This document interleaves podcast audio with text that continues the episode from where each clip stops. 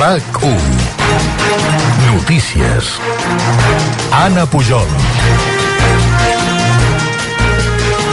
Bona tarda, són les 5. Alberto Núñez Feijó exigeix a Bildu que condemni els crims d'ETA. El president del PP ho ha dit en un acte a Hermua per commemorar els 25 anys del segrest i assassinat de Miguel Ángel Blanco a mans del grup terrorista. Lo que no podemos es simplemente intentar olvidar lo que pasa y intentar equiparar los asesinos con los asesinados. Y por tanto, aquellas eh, fuerzas políticas que en este momento todavía no han condenado el atentado no merecen la confianza de los vascos ni de los españoles. Paraules de Feijó enmig de la polèmica per la llei de la memòria democràtica que el govern espanyol ha pactat amb Bildu. En aquest sentit, Feijó diu que no es pot amagar el que va passar i demana que se'n faci aigua clara. 16 comarques es troben avui sota el risc d'incendi, principalment a l'Empordà, la Catalunya central i l'àrea metropolitana. Durant el dia d'avui, els bombers han treballat per apagar diversos focs. A Valls, a l'Alcamp, 11 dotacions, una de les quals és aèria, treballen en un incendi forestal a Masclariana. El foc està estabilitzat hores d'ara. Les masies properes no han patit danys, però sí que han cremat alguns conreus.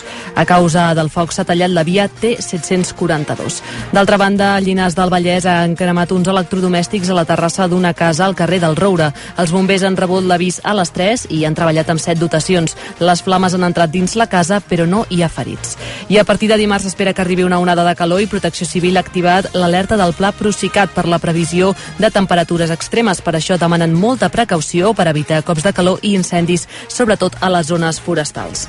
Precisament a causa dels focs, Espanya enviarà reforços a Portugal, on els bombers intenten apagar 8 grans focs que cremen simultàniament i hi ha gairebé 1.500 bombers portuguesos mobilitzats entre el nord i el centre del país, a més de mig miler de vehicles i 15 mitjans aeris. El govern de Lisboa ha demanat el suport a Madrid, que hi enviarà dos avions. Només ahir es van detectar a Portugal més de 100 incendis forestals. Les condicions de calor extrema, que es preveu que vagin a més els propers dies, amb temperatures per sobre els 40 graus i forts vents, dificulten les tasques d'extinció. El govern de Portugal ha declarat a partir de demà i fins divendres l'estat de contingència i el tercer nivell d'alerta per respondre a catàstrofes i que fins ara mai s'havia utilitzat per focs forestals.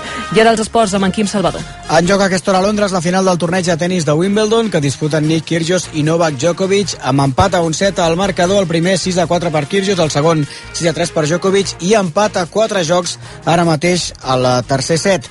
També tenim en marxa la novena etapa del Tour de França, la primera alpina, amb el luxemburguès Bob Jungle com a cap de cursa a 16 quilòmetres per l'arribada a l'Esport du Soleil en plena ascensió al pas de Morgins de primera categoria i amb un minut i mig de marge sobre Thibaut Pinot i dos minuts i 20 segons sobre el gran grup on hi va el líder Tadej Pogacar. El monegasc Charles Leclerc ha guanyat el volant d'un Ferrari el Gran Premi d'Àustria de Fórmula 1 per davant del neerlandès de Red Bull Max Verstappen, que ha estat segon, i l'anglès de McLaren Lewis Hamilton tercer. Fernando Alonso ha acabat de i Carlos Sainz ha hagut d'abandonar perquè s'ha trencat el motor del seu Ferrari. Verstappen es manté líder del campionat amb 38 punts de marge sobre Sergio Pérez i 44 sobre Leclerc. I Toni Bou ha guanyat també la segona jornada del Gran Premi d'Alemanya de Trial i reforça el lideratge a la classificació general camí del seu 31è títol. I el temps acabarem el cap de setmana sense canvis, amb sol i ambient d'estiu a tot Catalunya. La calor continuarà sent intensa a l'interior, mentre que a la costa s'hi estarà més bé, tot i que augmentarà la sensació de xafogó.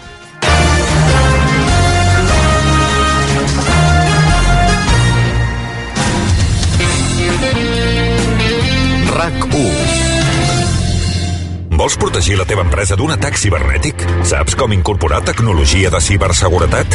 El dijous 14 de juliol, a Barcelona, La Vanguardia i Pimec organitzen Pimes Connect, jornada de ciberseguretat per a Pimes, en la qual podràs escoltar experts en la matèria i resoldre dubtes. Si hi vols assistir, apunta-t'hi a pimec.org, amb el patrocini de Banc Sabadell.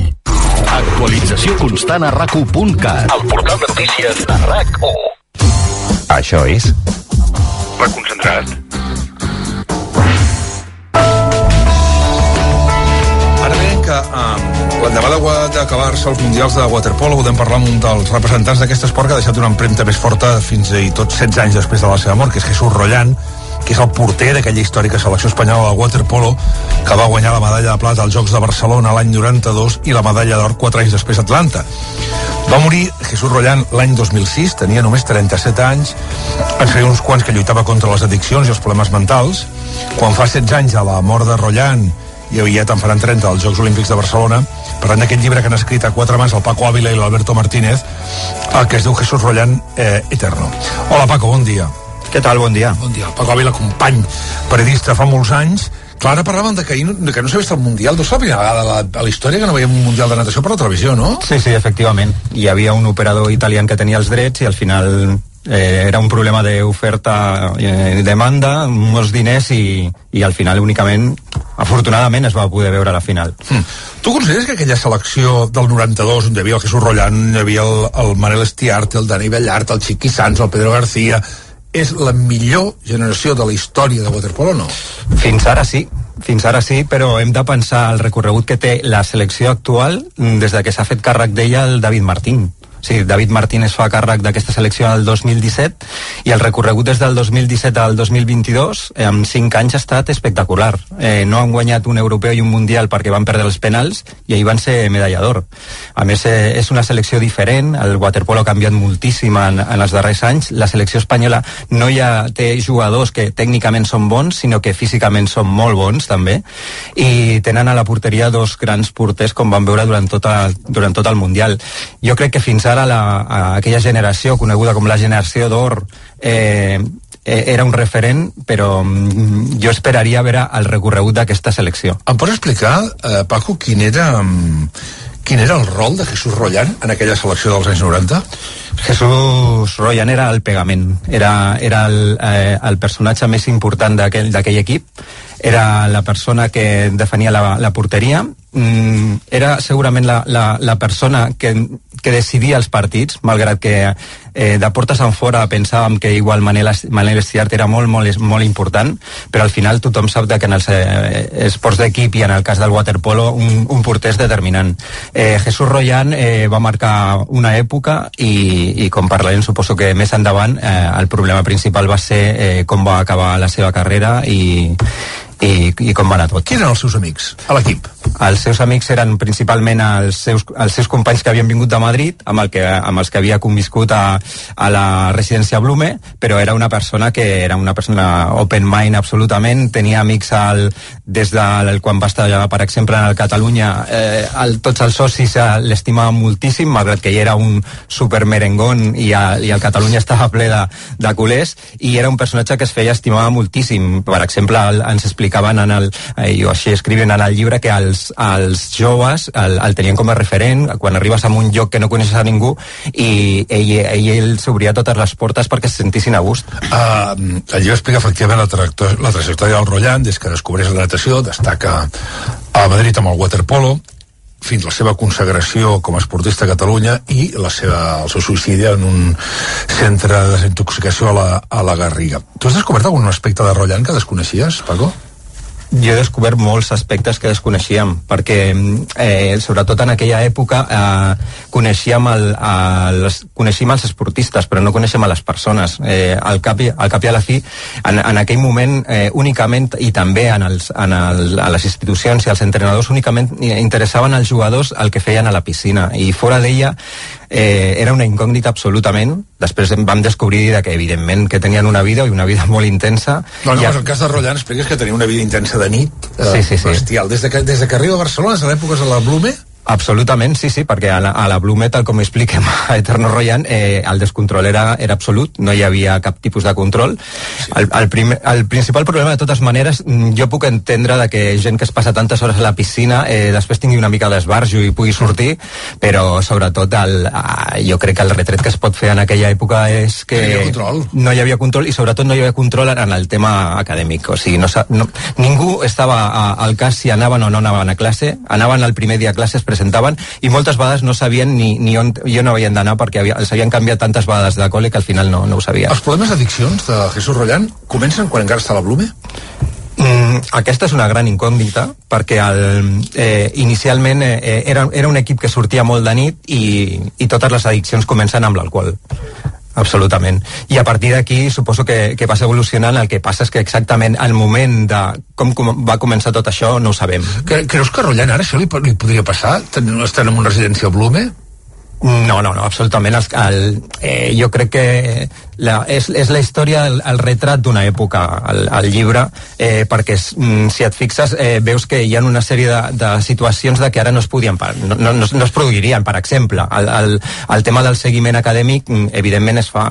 El tema, sobretot, de eh, tenir una, un, un terapeuta en l'equip que segueix el, el dia a dia i pogués solucionar problemes, també i no estava estigmatitzat tot el tema aquest, o sigui, ens, ens explicaven que qui anava al psicòleg en aquella època bueno. és que estava bast, bastant tronat, no? Clar, o sigui, i, i això evidentment l'hem superat. Bo, ets molt crític quan dius l'important és la lluita contra el dopatge, però no fer front a les addiccions, als problemes psicològics que se'n poguessin derivar, això que ara comentaves. El consum de cocaïna entre alguns membres de la selecció era conegut.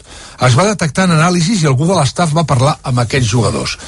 Però no es va prendre cap mesura, no va haver-hi conseqüències, vaja, sí que van apartar temporalment amb el Pedro García Aguado. Sí, però, però va, ser, va, va ser perquè el, el, el Toto va aixecar la mà i va dir eh, jo. cuidao, que, que jo estic prenent això, puc donar positiu, i en aquella època tot l'equip quedava fora no va ser una situació de va donar positiu i sobretot també perquè hem d'entendre que també ho expliquem eh, els controls de, de dopatge de l'època què passava en aquella època? eren controls d'orina eh, vam tenir una, una trobada amb el doctor Jordi Segura, que és una eminència en eminència, aquest, eminència, en aquest eminència, camp. bestial. I ens va, i, i clar, teníem molts dubtes, no, no sabíem, dir com és que, que no donàvem positiu per cocaïna? I ens va fer una reflexió, va ser molt divertit, per, bueno, divertit, va ser, eh, ens va explicar que, mm, ens va fer una pregunta. Què, què penses que és més fàcil detectar amb un control d'orina? Un, el metabolit de la cocaïna o el metabolit de la marihuana? Quant, eh, quant temps permet eh, eh, estar més en el cos? I ens explicava, eh, penses la, la cocaïna, absolutament. I ens diu, no, no, la, el metabolit de la cocaïna en 3 dies desapareix, el metabolit de la marihuana, del hachís triga 15 dies en, en el cos. Bueno. i aleshores a partir d'aquí ells sabien manegar també el, el tempo de, de la situació per no donar positiu. Mm. ell va ser mm, el llibre també escrius que l'hora ha aconseguit els Jocs d'Atlanta va fer Royan més conegut, era famós i allà dius que això és el principi del, del final. Què va canviar en aquell moment que ell fa un clec mental? Doncs que si ja era un personatge conegut, després de guanyar l'Hora Atlanta ja era un personatge popular. Era un personatge absolutament popular.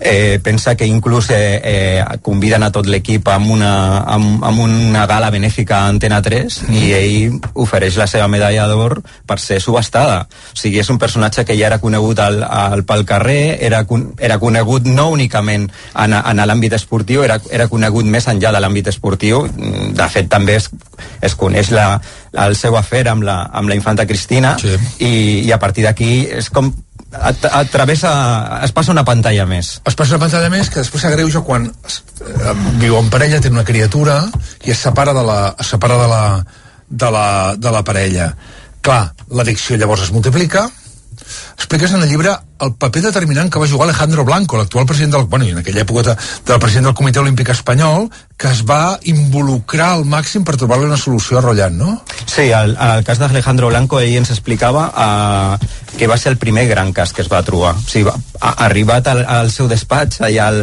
al Comitè Olímpic Espanyol, es va presentar el president de la Federació Espanyola amb, amb Jesús Royan i Jesús Royan, eh, això explicat per, la, per Alejandro Blanco, li diu, diu, desde los ocho años llevo jugando a esto, los últimos 25 de mi vida he estado jugando a waterpolo y no sé hacer nada más. I a partir d'aquí, sí, sí, li ofereixen, un, li ofereixen una, una feina, eh, en el País Basc, que és on estava la seva exparella, eh, però no, no, no, no s'arriba a presentar mai en aquella feina. Alejandro Blanco, el dia de la presentació, van presentar el llibre a Madrid, a la seu del COE, i no va acabar de poder parlar, no? perquè el seu lligam amb, amb, amb la família sobretot és, és tan fort que pensa que no únicament el COE va pagar el tractament de, de Jesús Royan, sinó que continua ajudant a, a la família, sobretot en l'educació de la filla de l'Àsia Royan, que està becada a l'UCAM a Múrcia i el, a, és el COE qui es fa càrrec de, de tot això. Uh, perquè si tu llegis el llibre veus el recorregut i un té la sensació bàsicament del que hem pogut veure durant tot aquest temps és un jugador que no surt del no-res, que arriba a la, a la residència Blume, sense família, jove, que comença a viure l'èxit, comença a tocar l'èxit, comença a sortir de nit, comença amb les addiccions, que a més són unes addiccions que no són ni controlades per la, per la residència Blume, ni controlades fins i tot per, per les proves de dopatge, perquè en alguns casos, com, és, com explicaves el cas de la cocaïna, en tres dies fa bona i, eh, i, eh, i és un desastre, que tot es multiplica quan a més et converteixes en un personatge que guanya una medalla d'or, que a més ets el porter, que a més ets el salvador, eh, i que després arriba un punt que en el llibre fem molt èmfasi, que és allò que els hi passa a molts esportistes d'elit, però en aquella època encara molt més, que és la buidor de la retirada. Que és que de cop i volta estàs, passes de 0 a 100 i de cop i volta passes de 100 a 0 però en picat, en picat i allò no ho vas saber gestionar tampoc, no? No, eh, és el gran problema del dia després, no? O sigui, eh, hi ha molts països que, perquè també ho van preguntar, que eh, tota aquesta qüestió la tenen resolta, no? O sigui, recordo que van preguntar al, als italians què passa amb els, amb els grans eh, medallistes són, que són herois olímpics en aquell país, doncs tenen un lloc de carabinieri eh, de per vida. Què passa amb el, el, en el, a Rússia, a l'antiga Unió Soviètica, doncs són oficials de l'exèrcit. Mm. Doncs si veus que no t'has pogut preparar eh, acadèmicament, intel·lectualment, perquè resulta que la teva vida, com deia Jesús Royal, durant 25 anys únicament has estat a la piscina i ho has donat tot per això, eh, la situació era aquesta, és increïble, sí. Ah. Eh, ara ja et dic que ara la situació és totalment diferent. O sigui, a, a dintre de l'equip que va guanyar ahir l'or del Mundial després de 21 anys, hi ha crimin, criminòlegs, advocats, gent llicenciada en BADE, o sigui, la situació és totalment diferent perquè es preparen per, per l'endemà, pel dia després. ¿Qué es el que pasa? Eh, Jesús, la seva idea era, ostras, ¿qué voy, qué voy a hacer el, el día después? Mm, bueno, pues igual me monto un, un chiringuito en el Caribe y me instalo allí. Es va acomiadar ell, oi?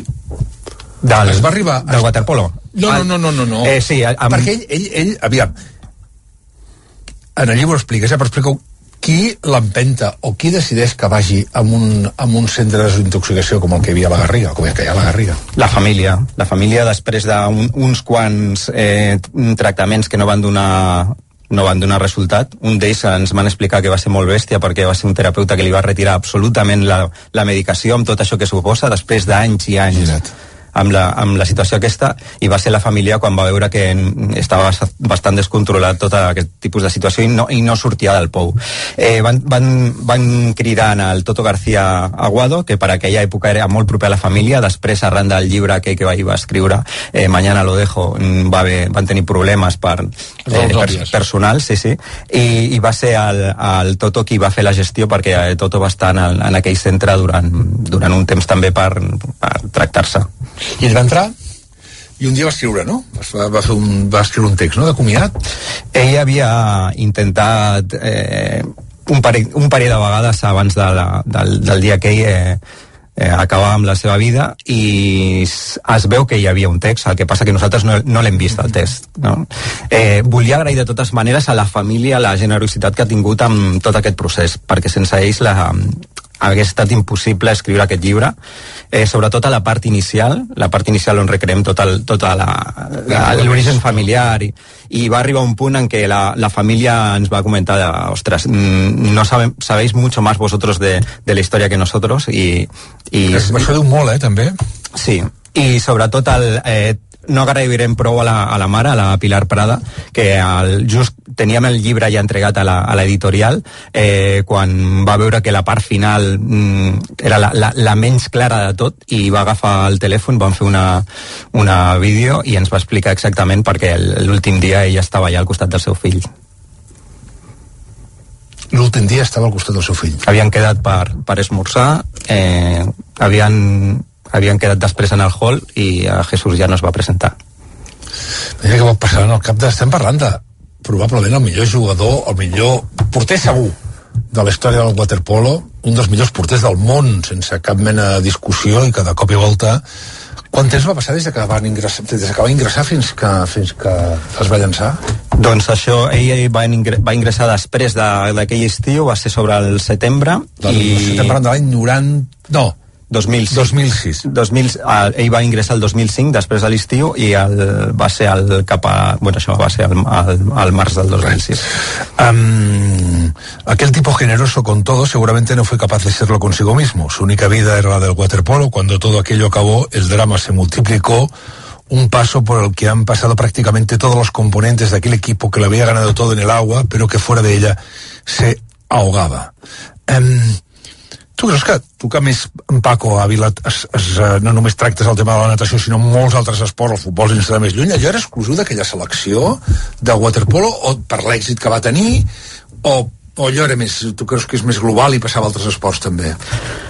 Eh, et refereixes a les addiccions? Sí, a les tot, tot, tota aquesta... Eh, aquesta- jo crec que era una cosa comuna d'aquella època, eh, perquè no, no existien el, els elements ni els anclatges que existeixen en, en l'actualitat, però també en el cas de la selecció de waterpolo eh, era, era més evident per, per com eren ells, que eren, eren tios que es relacionaven amb tothom, amb, sortien de la festa amb periodista, molt divertida, Sí, sí. molt divertida. eh, es relacionaven amb tot tipus d'esportistes, amb periodistes, amb, Sí, sí. tenia una relació brutal Els amb la encantava resta. el tema del famoseo, és molt normal quan, quan parlem de gent que, que només, què és això, el Mundial de Natació no l'hem vist aquí.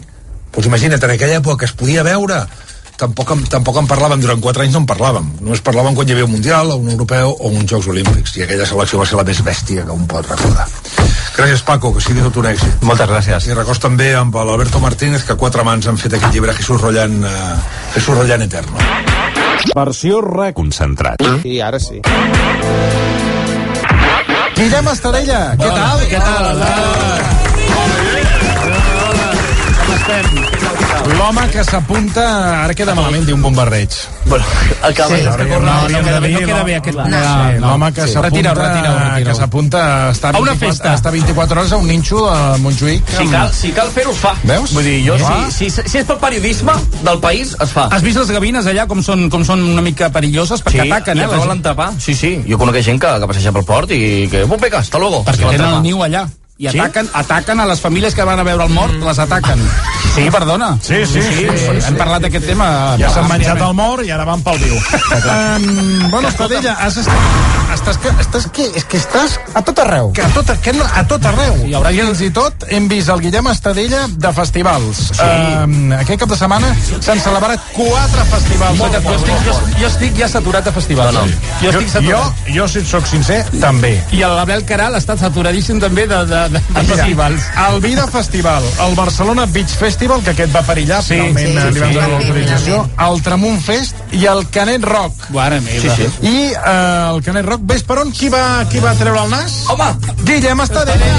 Home, perdona, he vist unes imatges del Canet Rock del Josep Maria amb la guitarra, sí, Josep Maria. Cada any, cada any, cada any. Bé, no? Sí, Cada any vaig a fer ja l'actuació. Ha fet bona caixa? El, vas veure tu, el Josep Maria, o no? Justament arribava i, Sí. i el Josep Maria s'acomiadava, va fer allò de passi-ho bé, Passi-ho bé. i amb això va acabar. Passi-ho Molt bé. Això és teu, no? Aquest festival lo portes tu, Era no? nostre, sí, sí. Ara, bueno, ara ja faig alguna coseta i també és mig meu, però... Fa la pixadeta, marcar territori Sí. una mica. Sí, jo, jo això ho vaig voler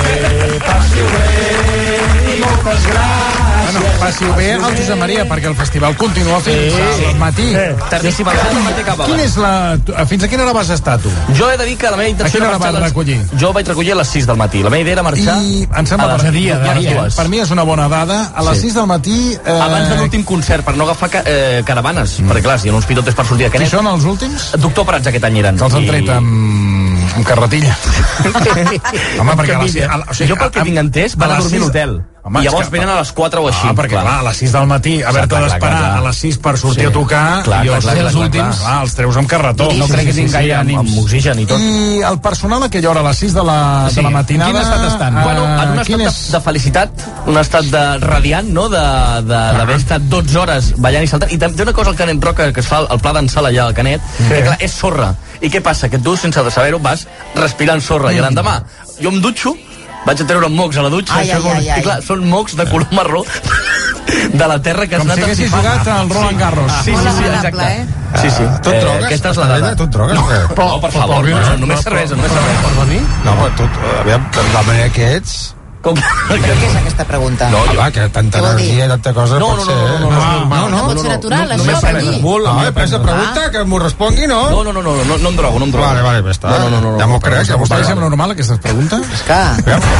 Ja diu que no? Pues Avui, no. avui, avui no, l'he dit perquè, clar, miri, avui, Eh? per exemple, a les d'aquí una estoneta, mentre la consellera d'Acció Climàtica, Teresa Jordà, li preguntarà a vostè això? Home, estaria molt bé preguntar-li, tres Bueno, drogues? Bueno, igual, sí, igual està tan fotut de la cosa climàtica que igual ja s'està drogant. Ja fa... que parlant de consellera, vaig conèixer la consellera de Cultura, la Natàlia Garriga. Sí? Ah, sí, estava per allà, també. Estava per allà. Venia de les Habaneres, aquesta dona. Ah, va fer un tour dissabte molt boig, venia de les Habaneres. Van a les Habaneres i després al Canet Rock. Canet Rock. Sí, Que sí, jo la vaig trobar allà eh? i vaig dir, ostres, aquesta, aquesta senyora em sona. A mi m'agrada Sí, sí, més la Vilallonga. Però estava ballant allà, com des, des, descriu, Bueno, descriu una mica o sigui, la, sí que és veritat que aquesta senyora pues, estava allà una mica al backstage, una mica fent, Ah. parlant amb, la, amb els directius del Canet, Vale, la Gemma vale, vale. aquesta gent, i de cop i volta sí que va haver un moment que es va posar allà al davant a donar-ho tot, una mica a fer Ah, va ballar. ballar, sí, sí, amb sí, quin sí, grup sí. va ballar? Amb quin grup va Doncs això ja va ser, si no m'equivoco, Cap a les 6 del matí. A Bus! Sí, eren les els amics, de, els Sí. amics del Bala. Els amics del Bala.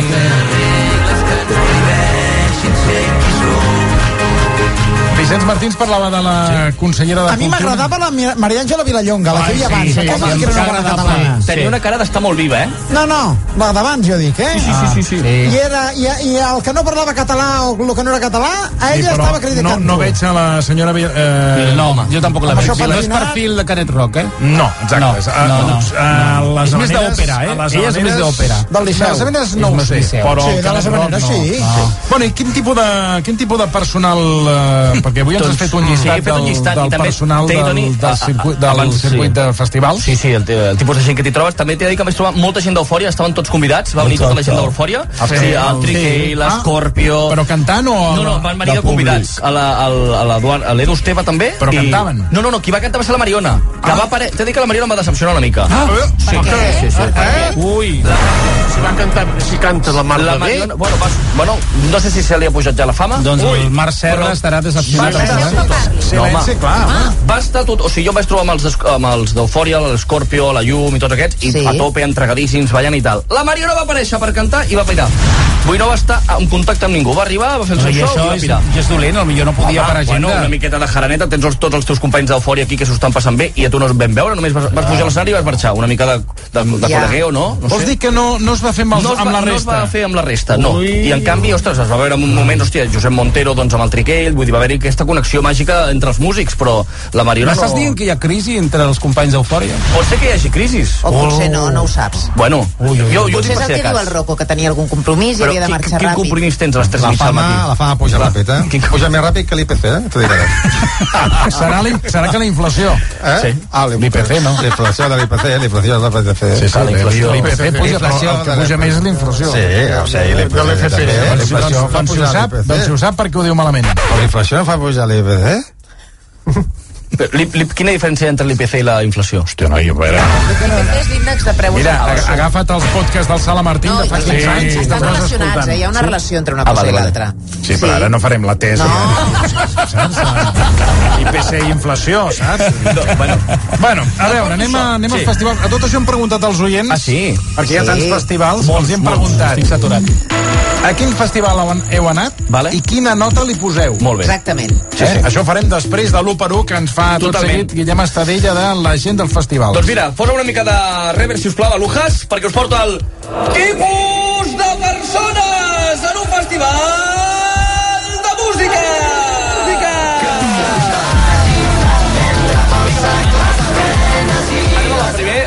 que és el guia. Perdona, perdona, sí, perdona, has dit abans que no et drogues, eh?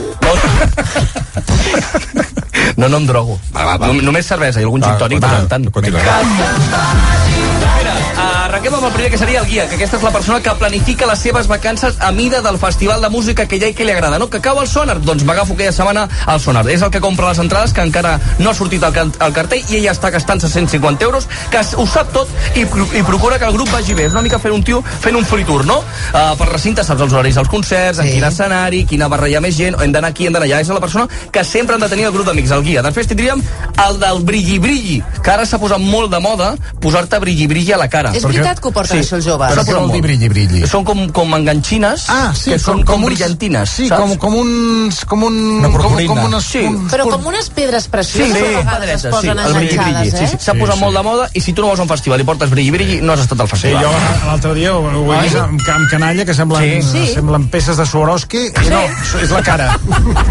Si es posen com pim, pim, Vaig pim. pensar, mira, no, no, ulls, no nova sí. joia de Swarovski. No, no, era, No, no, però era un adolescent. als basars xinos, hosti, s'està posant de moda i tenen parets senceres amb brilli-brillis de diferents Sí, sí. colors, eh? Vull dir, sí, bueno, sí. això ho fan per, mira, eh, per, fer, per fer una cosa diferent. Sí, sí, sí, està- perquè té alguna funció? No. Però els concerts d'aquests amb la terra, com per exemple el del Sí. Canet Rock, també anaven amb el brilli Tothom anava amb brilli-brilli. Tothom anava amb brilli-brilli. Sí, sí, tothom amb pedretes i tal. Jo suposo que també és una mica per identificar-te. Suposo que cada, cada poble fa unes Clar, línies diferents. clar. No? Jo sóc de Canet, doncs la portes amb una creu. no sé, suposo que és una manera d'identificar-se entre el jovent, no? Uh, simplement és per anar de guai, bàsicament. Aquesta persona que porta brilli-brilli també s'encarrega de distribuir-lo, eh? Ah, el brilli. dir, hi ha una persona del grup que porta brilli-brilli i el va repartint com si fos la vacuna del Covid. Tothom ha de tenir una mica de brilli-brilli, Ah. perquè si no, sí, sí, i diferents colors. Uh, ningú entra sense brilli-brilli a la cara al festival a partir d'ara. Vull dir, jo crec que fan descompte o alguna cosa. Després tenim a la regadera, eh? És el Què que és la passa, regadera? És el que passa més estona al costat del policlin fent cua que veient el concert. Aquella persona que beu una cervesa i en pixa quatre. Jo tinc un amic, tu diràs, jo tinc un amic, eh, bueno, diré, Abraham Oriols pixa molt. Vull dir, és un home que tota l'estona... El nen, el nen de TV3. El nen de TV3 és amic teu? Sí, l'has d'acompanyar tota l'estona al Saps qui policlin. és? És un noi rosset que, que sembla, És sembla que- un nen sí. molt, molt Que juvenil. sembla tan jove, tan jove, tan Que jove. sempre l'envien en llocs de perill. Sí, ah, sí, TV3. a la Bravo. Sí, sempre l'envien. Quan plou, Sembla, el, sí. el lloc de, que doncs aquest home el nen allà. sí, pixa una, una birra i, i, i un barril sencer. Vull dir, coneixes? molt fort, molt. De, som amics de, de, fa, de fa temps, i ell l'he anat bé i a mi Hauríem mira. d'estudiar el mecanisme, perquè en temps de sequera, que el tio, si, no, home, si produeix més aigua del que veu... Sí, però és, és orina, eh? No és aigua, eh? Però, Bueno, però els astronautes ho filtren. Clar, les, pla clar. i les plantes els hi va bé. És un gran pixador, sí, sí. Després És tenim... que això, perdona, de fer cua als concerts per, eh, per orinar un policlin i t'he de és dir una cosa. de les coses que fan més Els mandra. policlins de la zona de, on estaven els artistes, els més guarros que he vist mai, eh? Estaven més nets els de fora. Vull jo vaig veure una cosa en un policlin, vaig veure Ai, ai, ai. Però uh, de, de la zona dels artistes. de la zona VIP del backstage, Sí. un policlin, Ai. Clar, és que, és que, no, és que el pànic escènic... pues, s'hi van cagar literal. Ai, Jo vaig entrar i vaig dir, quina oloreta. A policlin no hi ha llum. Total. Tu a un policlin li hem de començar a posar, a posar llum, perquè jo vaig entrar i sort que la, la merda estava una mica retirada. Perquè jo arribo Ai. al la policlin i el primer que trepitjo és un trunyo. I era, sort, i era el la policlin dels artistes. Era el policlin dels artistes. Aquella persona s'hi va, no va arribar. Però no amb això va arribar. coincideixo amb el senyor Boigues, que apuntava que és el pànic escènic. a abans d'actuar... Però escolta'm una cosa, o sigui, estava fora del... De... No, no, o sigui, tu entres al policlin i al policlin hi havia la tassa del vàter Sí. i al costat, en un raconet, hi Hi havia... havia el, el Haurien de posar, si no hi ha llum, haurien de posar aquestes brillantors que es posen a la cara, allà a la caca. Sí, sí. Bueno, després tenim l'influencer, vale? que aquest tipus de persona viu al Festival de Música a través de la seva pantalla del mòbil. Ell no ho mira presentment. Ell a través de la pantalla ha pagat Bueno, 120 això, euros. això passa molt amb molta gent que va al Sí, concert, home, que i agafen tant. el mòbil, comencen a gravar Sí, i i ja passen està. tot, passen tot el concert I, per- gravant. I després què fan, mira, mira, el, el Sí, i concert a través del i mòbil. el concert. I no disfruten el concert en directe. Exacte. I exacte, la pregunta que sempre m'he fet. Per què fan amb això? Ah, quants Ah, cops no. es mira aquesta gent el que Ah, grava... Si, ho- si ho tens a TV3 ho pots gravar, ho pots guardar de TV3 No, i després ho buscaràs, per la, imatges. ho buscaràs per la xarxa i segur que està molt millor gravat del que ho has gravat tu. Però és que això ho fan als concerts. Ho fa la gent quan fa de safari, que dius, vols mirar Ara, a l'elefant? ara. En lloc de gravar-lo i mirar-lo per, la pata- per la pantalla del mòbil. Totalment, i a part que van com de guais d'influencers, que tens 400 seguidors a Instagram, ah. tampoc els flipis, saps? Vull dir, l'influencer, aquest tipus de persona que, bueno, mira el concert i, i ha pagat molts calés per res. Després tenim el Marco, que no el narco. Vale? El Marco és el que comença el festival i es perd i es queda sol i es passa tota la nit buscant els seus amics. Això, això, perdona, això deu ser un problema, no? Que et perdis i no trobis... Tot i que avui en dia amb el mòbil és més fàcil. Amb el mòbil és ràpid, però què passava a Canet de Mar? Que hi havia tanta gent que no hi havia molta cobertura. Clar, tu si et perds allà, a lo loco. Vull dir, a No hi trobar-te. ha cobertura. És que, sí que no hi ha molta cobertura. És que aquest és un altre tema Clar. i és la mala cobertura que hi ha en molts llocs de la costa a Catalunya. No, però- De les operadores de telefonia que ens deixen llocs que hi ha moltíssima densitat de població, sobretot a l'estiu, que la cobertura és una me. I et puc dir que hi ha una zona entre, per exemple, Cambrils i Miami Platja, que aquella zona està abandonada. Sí, sí, lo- lo conec, lo conec. Abandonada aquella zona. Lo conec, Que el jo, per exemple, per anar amb Vodafone no hi ha manera de poder tenir ni una connexió. Van amb 3G, hi ha zones de 3G encara. Porque el problema es que el fan los cálculos con la población de hivern y a la que arriba la Exacte. sobrepoblación de estiu o un festival baixa... Es como en el Camp Nou, cuando el Camp Nou está ple de gent, sí, ¿qué pasa? Que hay tanto consumo que la antena se queda bueno, a veure si podem, si podem acabar la secció Sí, sí, sí, mira. No, no, no ho dic per tu, ho dic per eh, els Ah, sí, sí, col·laboradors que, que No, se sí, n'enganxen. eh? com- Ampliem No, no, ho deia pel. Rocco. Sí, sí. Que, per cert, estic parlant amb el responsable de la carretera vella. Sí, si no et sap greu, és que estem per... eh, Estem per... Ara, ara et comentaré, ara et comentaré. Després tenim el Magic English, que diu que és molt fan del grup, però no sap que- cap lletra de la cançó i només canta la tornada com si fos Chiquito de calçada. Ai, no, més, més, va, aquest és el rotllo. I per últim, el que m'encanta més, el Bueno, Julio una, Iglesias... una, del una altra pregunta a fer, disculpa, és... Sí, tant. Um, o sigui, quantes cançons has de conèixer per anar a un concert d'un grup? Jo crec que mínim 3 mínim 3. La del principi, meitat i final, per sentir-te realitzat. jo crec que un mínim de 3. Perquè jo, i que fa il·lusió quan con- coneixes més de dues, sí, és, oh, mira, sóc fan, no. Quan vas, jo he arribat a anar per dos o tres mm. i a vegades passa que la segona, la, o sigui, per dos o tres, és a dir, vale. que de les tres, una la fa curta perquè Ai, de, quina és de fa molts anys Vale. i fa una tornadeta, la, la, la col·loca allà sí. per treure-se-la de sobre i dius, Que clar, queda- jo t'he pagat la pasta Has pagat cantis 60 aquí... euros per dues cançons. Clar, per, clar perquè, perquè em, em cantis More Than, Clar, clar, Than This, que va, Clar, com, clar, com, com, és el que va fer Brian, uh, Brian Ferry. Vaig anar a veure al Cap Roig. I només dues cançons. No, de, jo anava per tres. I eh, la, la, la, la número 1 la va tatarejar eh, i fuera. Però demà, Chato, hoja de reclamació. Poco. I després m'ha fot un, un totxo de, de, de cançons que ni anaven, ni venien, ni A pensava... mi em va passar amb la Jane, aquella cançó del Corte Inglés que era Come, come, que Sí. sí. la vaig anar a veure a, a resmatar i dic, bueno, tindrà cançons molt divertides. Bueno, l'única cançó animada era aquella, la resta era per suïcidar-te. És una estafa. A vegades hi ha aquest tipus de Jo grups. vaig, I la part la va cantar l'última. Jo a una hora i mitja de concert que dic, bueno, ja arribarà el moment de marxar. cançó, en diuen la cançó Am. Eh, tu vas a un peix, en aquell cas. La cançó Am. Am, ah, am. ah, vale. Am, am, Vale. Toro. Oh, bueno, Eh... Acabo amb el Julio Iglesias Sí. sí. Hacendado, que aquesta és la persona que va al festival de música pensant que és Fear Dates i que només vol lligar i que desgraciadament es pensa que trobarà l'amor de la seva vida en un festival i l'únic que s'endurà del festival és mal de peus i una bona ressaca. Vull dir, és l'única cosa que l'acompanyarà. D'aquests tenim molts. I per últim, Toni, volia reivindicar que he estat- estava a la redacció fent feina, tot i que no ho sembli de Sí, vegades. sí. Eh, i, I escoltava que comentava la meva jugada l'altre dia al, al Sí, una mica del per, Barça. per què no la penges a, a Twitter que la gent vegi que quan t'arriba la pilotada et llences a terra? Però vull dir que... Perquè això no ho havia vist mai en el món del futbol.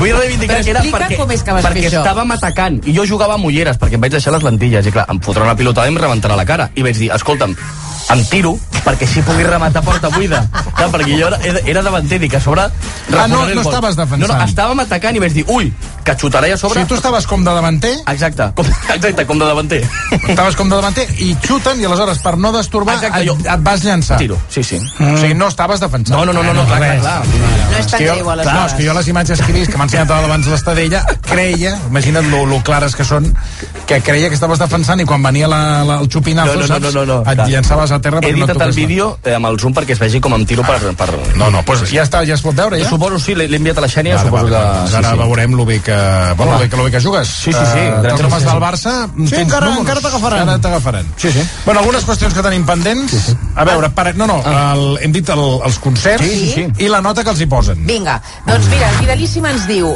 Cap Roig i Sons del Món, un 10. Els llocs són molt emblemàtics, molt bona organització, recomanable. L'Albert, atenció, eh? Jo aquest any hi he anat dos caps de setmana al Primavera Sound, Mare un meva. 7. El Vida Festival, un 6. Dissabte, el Rock Fest, un 6. I dissabte va al Cruïlla Barcelona. O sigui que aquest li agraden molt, a l'Albert li Home, agraden bueno, i molt. els ha- els ha provat a tots. eh? Comença a sumar números, eh? Sí. Aquí, aquí, aquí, aquí, aquí hi ha calés, eh? La Montse es diu, el son Arnit, un 7, però massa gent, molta calor, i diu que el so, la primera nit, era molt dolent a l'escenari principal. O sigui que això necessitava millorar. L'Albert Roca, el Vida Festival, jornada de divendres, oferta i un espai, un 10 com sempre. Música fluix, un 7. L'escursor ens diu el Rocket Fest a Can Zam, un 8, millor del que esperàvem, tot i les cancel·lacions i d'altres eh, temes, diu, d'altres punts suspensius. Bueno, de moment eh, Està molt aprovats amb Sí, sí, notes. Força bé. Molt el bé. Josep Coral, Guitar Barcelona, un 10. Carai, tu. Sí. Molt bé. Uh, Ismael, el U Zona Rigui, a Torelló. No puc valorar la nota perquè no recordo res. Aquest el van treure en coma. Aquest en coma. anar a un festival de reggae i va acabar el Rockfest. I ja fa dies d'això. es va fotre un porro com, com aquells que es fotia Bob Marley, que eren de, d'un metre de... Sí. No, este, este. Però no de llargada, de gruix. Sí, sí, sí, sí. No li cau la boca. I l'Obi Joan, per posar punt i final, hi ha moltes més opinions, eh? però l'Obi Joan ens diu hem anat al Bijas, a Vilafranca, Ah, bé. i hi havia bons caves, vins i jazz. Això és Reconcentrat. Hola, em pots dir quin temps farà aquests dies?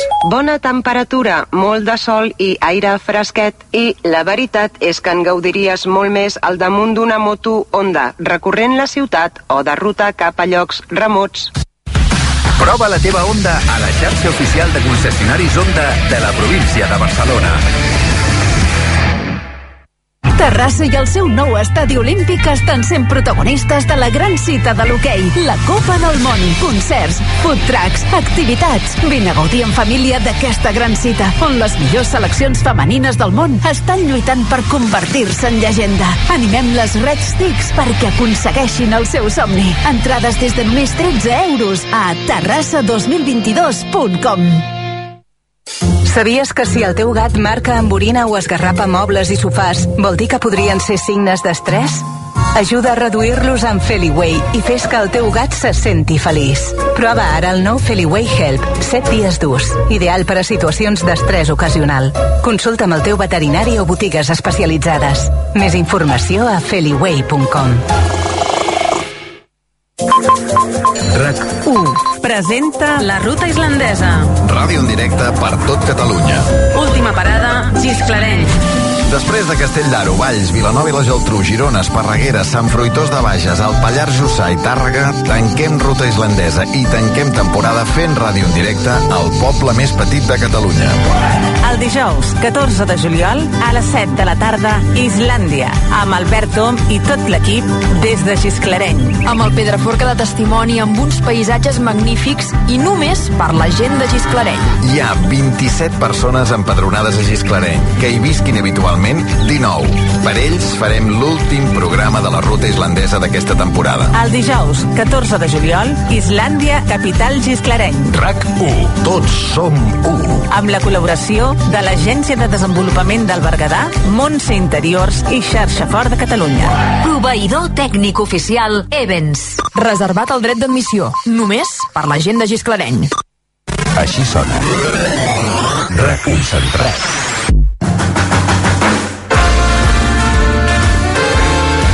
Castell d'Or, caves de proximitat per assaborir cada instant, us ofereix aquest espai.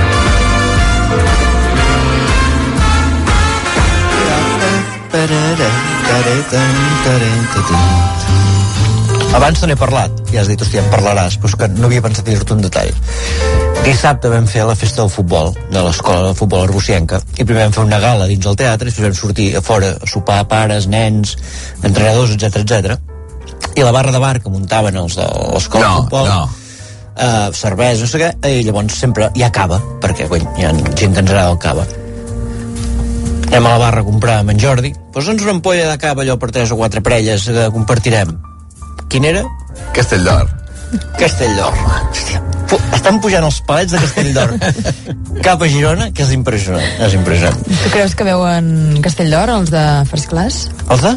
Els de First Class? Ah, se'l perden, no em veuen, se'l perden i és una llàstima que se'l perdin. Estic molt, estic molt... O sigui, el cap de setmana he anat fent coses, però tot el rato tinc aquells personatges... O... No hagués dit mai que miraries aquesta sèrie de Netflix, aquest First Class, tu? Uh, no, no, sé, no sé com vaig arribar-hi. Vaig veure... Bueno, i tu saps com el cap sempre bullen coses per mm. parir. Llavors hi ha una cosa que tinc al cap que... I llavors vaig veure això i vaig dir, hòstia, això què deu ser? Que Marta Torner, no? És la noia que presenta uh, Eufòria. Que, no, què és aquesta d'això? I li vaig dir a la meva dona, dic, "Mm, tinc ganes de mirar això, perquè no, no sé què és, però havia vist que la Marta Torner feia com de guionista i directora i, ho vull veure. Clar, vaig play i, i, i tres de seguits però, però una, una, i ara me queden els altres tres, em sembla que són sis um, jo reconec que, que és una cosa que no agradarà a tothom o sigui, aquí a aquesta taula hi ha gent que ha dit que he vist el primer ja he penjat uh, jo a casa meu, per exemple la meva dona, com que l'hem d'acostumar a uns gustos una mica locos amb segons què, doncs hem rigut molt mirant First Class, no? Li he dit al meu amic Zoom, mira't això, i m'encallís, mireu això. Per què? Perquè nosaltres no som First Class, però quan fas un dinar i veus una cosa de colla que dius, mare de Déu, i llavors diem de nosaltres que estem sonats, però aquesta penya està molt sonada. I llavors jo li diria a la gent, si voleu veure gent real, i, i ets d'Arbúcies i baixes a Barcelona al metge o al Cort Inglès o a veure el Barça, doncs et pots creuar amb una sèrie de gent... Però no els veus, aquests, per Barcelona. No, no, no. Per Has això d'anar a unes altres esferes, Van a em una sembla. altra Per això vull dir, però vull dir que tu, tu baixes aquí i és el que deies, tant et pots creuar amb gent que ha assassinat com amb gent que no sé què, com amb gent com no sé quantos, però si aparques el cotxe al Camp Nou i aparques una mica amunt i baixes a peu, potser sí que te'n trobes un del pàrquing. Què tenen en comú tots aquests personatges, tots aquests protagonistes d'aquest reality eh, que es diu First Class? Ells diuen que, o, o sigui, ells estan tots lligats perquè un és um, dissenyador, l'altre és um, dissenyador de moda, l'altre és artista, l'altre és crítica de- d'art, l'altre té una galeria d'art, una dona més gran que té diners i no saps massa uh -huh. i els uneix un punt de bogeria que a mi Sí, m'ha atrapat. Diners? Diners, temps, temps, perquè tenen temps diners, lliure. tenen Mm. molt de temps i un punt de bogeria. I un punt de bogeria. Un punt de bogeria, que a mi és el que m'atrapa, el, el fet de que La bogeria, per exemple, què? Doncs, eh, doncs, per exemple, a mi m'agrada molt quan queden per dinar i van... Eh, la periodista va vestir d'un vestit rosa vull dir que és el més incòmode que es pot posar una, una làmpara com a barret i entra allà normal, ningú, ningú ah, on va, on saps? La meva com te vas, boig? No, ells, eh, hola, què tal? I va, amb aquella làmpara al cap. Llavors, un diu que és artista i pinta i, i però pinta, no sé, jo no hi entenc, però, però clar, és que aquell mateix personatge diu que és un personatge um, de la... De, de, de, de, no em sortirà el nom, ell mateix es defineix com... Digue-me, digue-me. A veure, a veure. L'Aldo, eh, ell diu- L'Aldo es defineix com a... De- de- no, no, he um, vist el primer capítol i ara no t'ho sabré dir.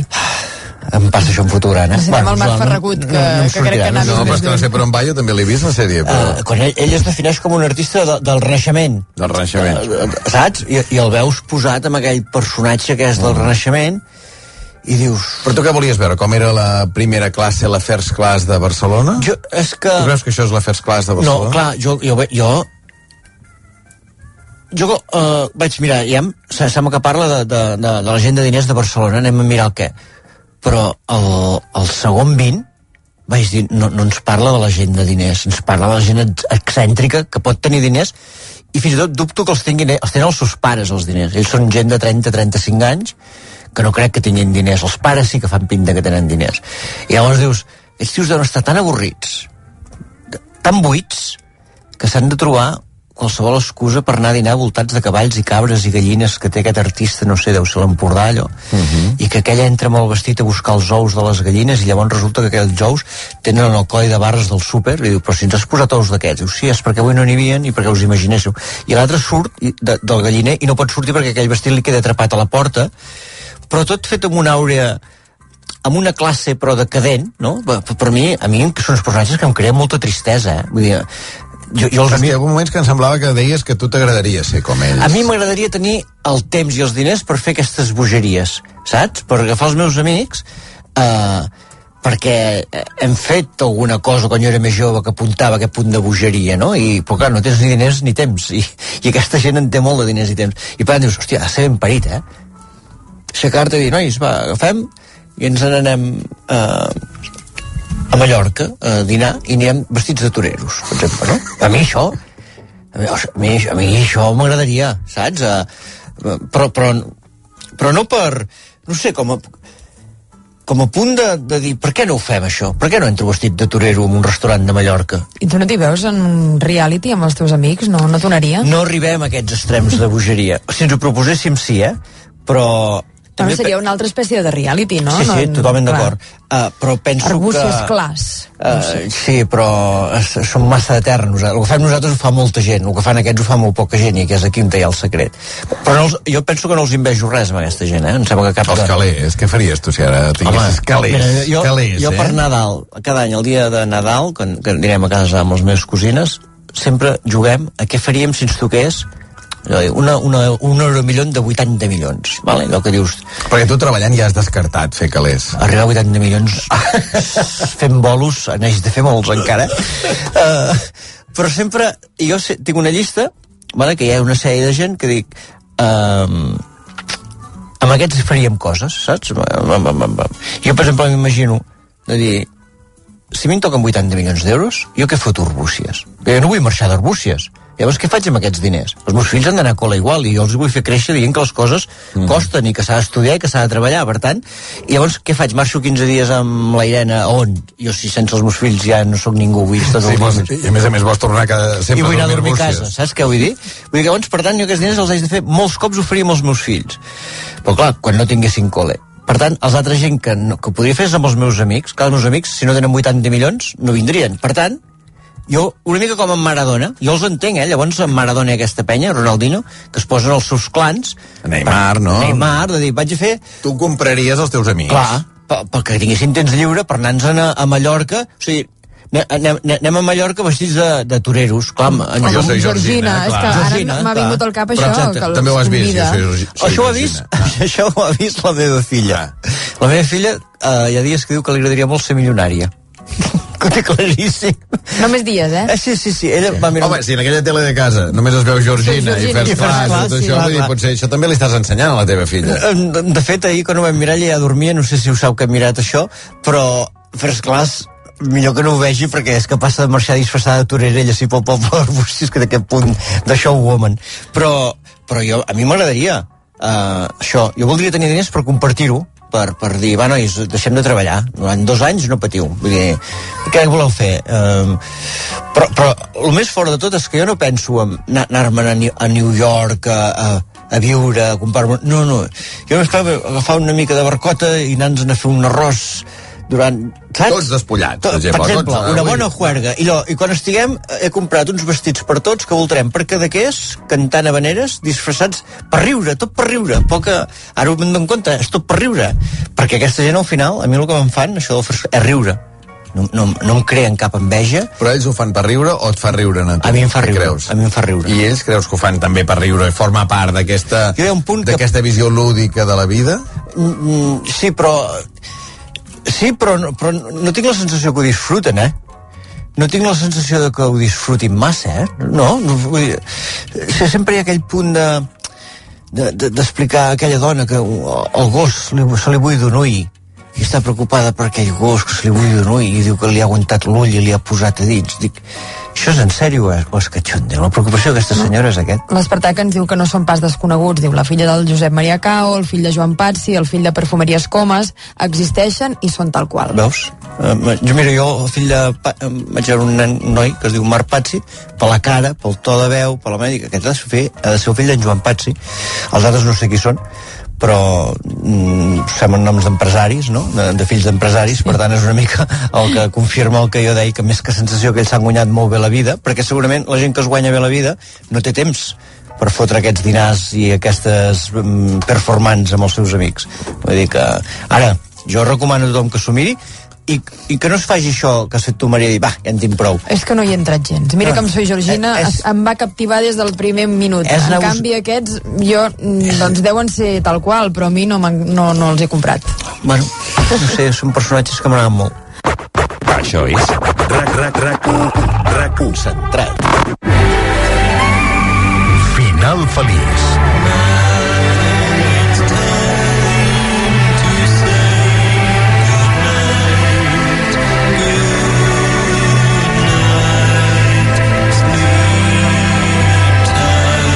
Posaria final feliç al meu avió, eh? com la secció del David Llorenç. Hola, David. I com algunes perruqueries eh, asiàtiques. Molt bé, gràcies. Eh, David Llorenç, company de Mundo Deportivo, que porta històries eh, extraordinàries, sempre. A veure, què ens portes avui, David? Doncs mira, uh, en això de l'esport hi ha barreres mítiques. Eh? Vull dir, el dels 100 punts en un partit de bàsquet, que va fer Will Chamberlain, marcar 5 gols en un partit de futbol, etc. Però segurament la barrera més mítica de l'esport és la, la, la barrera dels 9 metres al salt de llargada. Això no ho ha aconseguit encara mai ningú. Hi ha els 8,90 mítics de Bob Beamon, que van ser rècord del món durant una pila d'anys, que va aconseguir els Jocs de Mèxic 68, que li va batre després Mike Powell en un duel brutal amb Carl Lewis al Mundial d'Atletisme, crec que del 91, i eh, tothom parla en aquests últims anys de que la persona predestinada a trencar la barrera dels 9 metres és un cubà que es diu Juan Miguel Echevarría. Aquest noi només té 23 anys, uh, se'l coneix com el Junco de Camagüey, que m'agrada molt, el, ah. perquè és un tio alt, metre 86, però molt prim, només 72 quilos, amb una elasticitat eh, sorprenent, i eh, ell va ser campió del món en pista coberta, va ser subcampió olímpic a Tòquio i no va poder optar l'or perquè es va lesionar en la final, durant la final es va lesionar, tot i això tenia un salt vàlid lo suficientment llarg com per donar-li la, la medalla de plata, i de fet si repasses les seves marques aquest noi té un salt vàlid mm, més llarg de 8,68 que és una borrada però és que va fer un salt de 8,92 Com es diu? Recorda'm el nom. Juan Miguel Echevarría. Juan Miguel Juan Miguel Echevarría. El Junco de Camagüey, el eh? Junco de Camagüey. El salt de, de, de 8,92 que és dos, metre, dos centímetres més llarg que el de Bob a Mèxic, el podeu trobar al YouTube si, si el busqueu, i és una borrada de salt. Aquest salt el que passa és que es va anul·lar perquè es va fer amb un vent favorable de 3,3 metres per segon quan la, quan la barrera per legalitzar un salt és de 2 metres per segon. Uh, tot i així, és el quart més, el salt més llarg que s'ha donat mai i el més llarg que s'ha donat en 24 anys. Vull dir que estem parlant d'una borrada, eh? Recordem que el record del món és 8,95 que té el, el Mike Powell. Doncs bé, aquest noi des dels Jocs de Tòquio, insisteixo, només té 23 anys, no ha competit. No ha competit. No ha fet res? No. No ha aparegut per enlloc i és, el rodeja una mena de misteri. Segons la Federació Cubana d'Atletisme, la última comunicació que va fer respecte a l'estat de Juan Miguel Echevarría és padece una lesión de grado 2 en el bíceps femoral de la pierna derecha. Però ja està, eh? res més. És evident que si estàs un any sense competir no és perquè tinguis una le- lesió de grau 2 en el bíceps femoral de la, de la cama dreta. Uh, raspant, raspant, sembla ser que aquest noi uh, l'han apartat de l'equip cubà, perquè eh, van detectar que estava a punt de eh, una altra nacionalitat i desertar del país. Val? Això ho va fer eh, Ferrer, un, un triplista que ara és espanyol, eh, el Jordan Díaz, que es va nacionalitzar i es veu que ell ja ho volia fer, van detectar-ho i el van apartar de l'equip i, eh, de fet, ell, a través de les seves xarxes socials, l'última comunicació que, que va fer és curiosa perquè diu Cero comentarios por el momento. Todo está ok. Se les quiere familia. Gracias por las Això ho va preocupaciones. dir Juan Miguel Echevarría. Sí, però ja fa, però ja, ja fa uns mesos, eh? Total, que raspant, raspant, aquest senyor ara està sense cap font d'ingressos i ara es dedica a eh, fer de cantant d'una orquestra a Cuba, sí, per guanyar-se allà, d'omplir la nevera d'alguna manera. Eh, I ha passat de ser un superatleta d'èlit i el tio cridat a trencar la mítica barrera dels 9 metres a cantar una orquestra per, bueno, per això, per omplir la nevera. Jo crec que la que pugui eh, deixarà el país, desertarà, no sé exactament a on, però segurament on pugui, i sota una nova bandera l'acabarem veient competint i espero, espero que reprengui la seva carrera atlètica, perquè no hi ha cap atleta que tingui les seves capacitats ara mateix. I no pot tornar a competir amb Cuba? De dir, escolta, va, va. Bueno, això li hauries de preguntar més al règim cubà que Ja, no pas a mi, ja, perquè, ja. clar, suposo que ells han vist que hi ha una sangria brutal d'atletes eh, cubans que marxen i, i després competeixen sota altres banderes i s'han posat farrucos i el, i el Juan Miguel Echevarría és el, bueno, l'exemple que hauria d'escarmentar la resta i els que pensin fer-ho. Però, clar, amb 23 anys, tallar-li la carrera a un xaval que promet i que té unes capacitats com ningú, a mi em sembla una barbaritat i un, un insult a l'esport. Però, bueno, veurem com acaba aquest colabrot. Últimament deixo molts colabrots oberts. Sí, no tenen cap final, però està bé, perquè els hem d'anar seguint, no? Sí, bueno, per cert, el nostre amic Van Richthofen bueno, oh. va perdre amb Djokovic, escolta, Eh. molt digne, li va guanyar un set, escolta, Escolta, dir, eh, vibrant aquí a la redacció, vull dir, era, era, era el meu ídol i el Sí, meu sí. favorit a Wimbledon. Sí, sí, sí, Aquest escolta. tio va estar a punt de fer història, eh? Ha arribat als vuitens de final, tu. A Wimbledon. Sí, sí, un tio sortint del no-res. escolta. Del no res, i amb una wild card, perquè va guanyar un torneig allà que li van anar bé 4 o 5 partits. Sí, sí, té, un, té una bona història la que vas explicar aquí també. El Junco de Camagüey. Juan Miguel Echevarría. 8,92, no? Eh, El rècord aquest no, no, no, No, no, sí, no, no avalat o no oficial, no, diguem? Sí, no legal. Però bé, en salt de longitud, 8,92 és una barbaritat. Bueno, és, és, el quart, és el quart salt més llarg, més llarg de la història eh, amb qualsevol condició, amb condicions de legalitat o il·legalitat. I com ens expliques, ara mateix... Mm, Fa un any, fent un de any cantant. sense competir i fent de cantar una, amb una orquestra.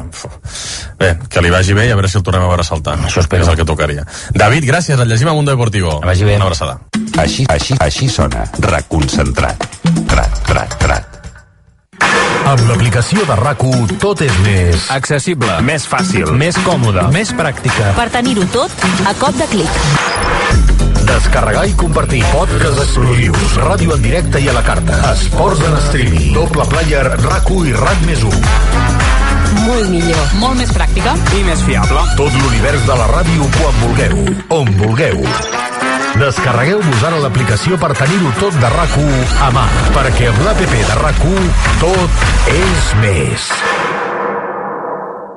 RAC més 1, podcast. RAC més 1 presenta La Píndola de Salut amb Marc Radorta. Una recepta de vida, sense contraindicacions ni efectes secundaris. Consells per viure millor. Passem consulta amb els millors especialistes, perquè la salut ens importa, i molt. Els divendres, cada 15 dies a RAC més 1, nou capítol de La Píndola de Salut. De salut. D'això va aquest podcast. RAC Més 1, la plataforma digital de continguts extra de RAC1. amb la col·laboració d'Àptima, Centre Clínic Mutu a Terrassa. Actualització constant a rac1.cat. El portal de notícies de RAC1. R-A-C-U.C-A-T